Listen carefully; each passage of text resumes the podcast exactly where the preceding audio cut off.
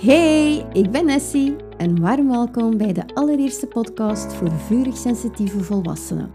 In deze podcast deel ik mijn persoonlijke ervaringen en inzichten en krijg ik soms ook het gezelschap van superinteressante vurig sensitieve gasten. Geniet van de herkenning en erkenning, de lach, de traan en het put. En laat je gerust inspireren in het omgaan met je eigen vurig sensitiviteit.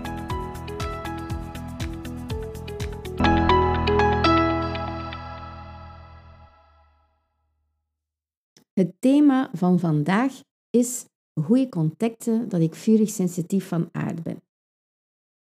Deze aflevering is opgenomen op 1 september en dat is best wel een speciale dag voor alle ouders en kinderen in dit land. Dus ook voor mij, want ik ben deze morgen mijn twee jongste dochters op school gaan afdroppen. Nu gelukkig ging dat gepaard met een heel warm gevoel, want ja, enerzijds hebben wij een heel fijne, aangename, ontspannende zomervakantie gehad en anderzijds voelen wij ons ook gewoon heel erg thuis op die school. We hebben er namelijk voor gekozen om onze twee jongste vurig sensitieve dochters te sturen naar Freinet-onderwijs, omdat dat naar ons aanvoelen het best past bij hun persoonlijkheden. Nu, ongeacht of je een methodeschool hebt gekozen of een traditionele school, de overgang daarnaar van de vakantie naar terug de dagelijkse ratrace is voor een vurig sensitief kind best pittig. Dus in het verleden ging dat hier ook niet altijd van een leien dakje. Je daarop voorbereiden is dan ook geen overbodige luxe. En daarom heb ik vijf tips voor jou die je kan terugvinden op mijn website om te zorgen voor een zo vlot mogelijke schoolstart. Maar genoeg over 1 september en scholen. Laten we dan nu maar de hamvraag van deze aflevering tackelen. Want fun fact, ondanks het feit dat ik al meer dan 40 jaar vurig sensitief ben, ben ik daar pas achter gekomen zo'n zevental jaar geleden. En naar wat ik hoor in mijn praktijk en uit de enthousiaste feedback op mijn boek Vurig sensitief opvoeden, is de manier waarop ik dat heb ontdekt heel erg herkenbaar voor ouders. Want ja, mocht mijn dochter Ada er niet geweest zijn, dan zou ik waarschijnlijk nooit geweten hebben dat ik vurig sensitief ben. En dan zou ik vandaag ook niet in vurig sensitiviteit. En laat dat nu echt helemaal mijn ding zijn en helemaal mijn passie. Hoe is dat precies in zijn werk gegaan? Wel, ik was al een aantal jaren, eigenlijk sinds de geboorte van Ada, op zoek naar hoe ik voor haar de beste moeder kon zijn. Want de klassieke aanpak, die werkt dus voor geen meter. Zij werd er alleen maar tegen draadser van en ik voelde me alleen maar meer falen als mama. En ik kwam er al heel vlug achter dat het van cruciaal belang was om aan mezelf te werken. Want tot op dat moment leefde ik vooral nog volgens ideaalbeelden over hoe ik moest zijn als vrouw, als echtgenoot, als professional, als mama en wat ik moest neerzetten in de maatschappij om succesvol en geslaagd te zijn. En eerlijk, ik werd er doodongelukkig en doodmoe van. Tijdens die opleidingen die ik dan ging volgen om aan mezelf te werken en aan persoonlijke ontwikkeling te doen, was er een deelnemer die mij vroeg: Zeg, zou dat kunnen dat jij hoogsensitief bent? Het was niet de eerste keer dat ik die vraag kreeg. En ik vond het eerlijk gezegd een heel irritante vraag. Want er waren al genoeg issues dat ik moest aanpakken en ik had dus geen behoefte aan nog een probleem erbij. Ik wist toen ook nog niet zo goed wat hoogsensitiviteit eigenlijk inhield. Dus ik beschouwde het vooral als een last. Maar dus terug naar die opleiding en die fameuze deelnemster. Die een tijdje later, toen we het hadden over ouder zijn en over onze kinderen, en ik dan vooral over Ada en haar bijzondere karakter, stelt diezelfde deelnemster voor om een testje te doen. Ze had een boek bij, Mijn kind is hoogsensitief. Dat is van Ilse van den Dalen. En ja, je raadt het al, uit dat testje kwam dus dat mijn dochter hoogsensitief was. Nu, dat was in eerste instantie toch wel een beetje een opluchting om te weten hoe het kwam dat zij geen doorsneekind was. En in een spontane opwelling beslis ik om dat testje dan toch ook eens te doen voor mezelf.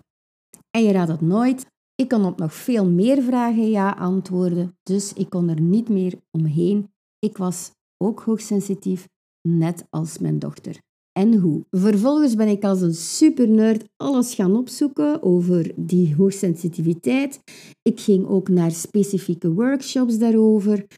Maar ik bleef toch altijd ergens met het gevoel zitten dat er, hoewel er ook gelijkenissen waren, ja, dat er ook toch zo heel opvallende verschillen waren.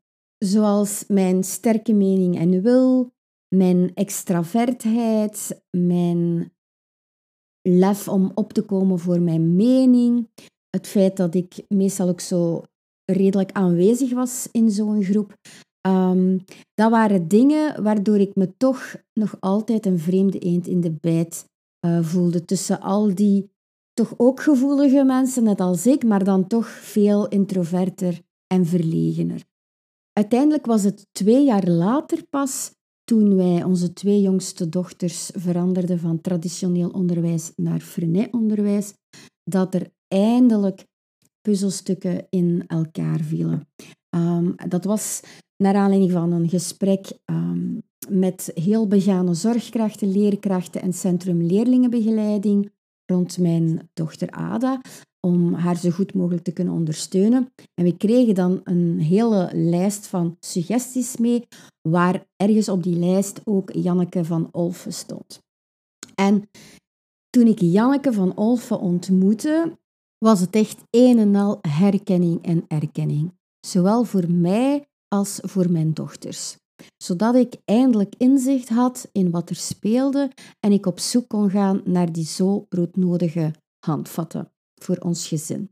Ik ben haar daar nog altijd super dankbaar voor. En tot op vandaag is zij nog altijd mijn mentor die mij inspireerde om vurig sensitiviteit hier in Vlaanderen bekend te maken. Voilà, dat is dus hoe mijn zoektocht is gelopen. En het heeft echt heel lang geduurd eer ik precies wist wat er nu eigenlijk zo bijzonder was aan mijn virussensitieve dochters. En tegelijkertijd heeft het voor mezelf als volwassene natuurlijk superveel inzicht gebracht. Want sindsdien ben ik op zoek kunnen gaan naar een manier van aanpakken die past voor mij en mijn kind.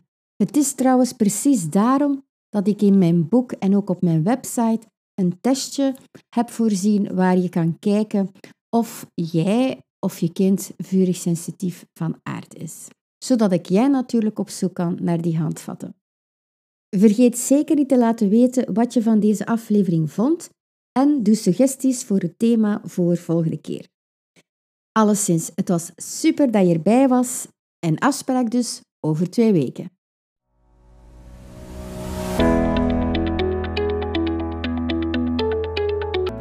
Berichtjes, vragen, steun, likes zijn allemaal super lief en heel erg gewenst, dus hou je vooral niet in.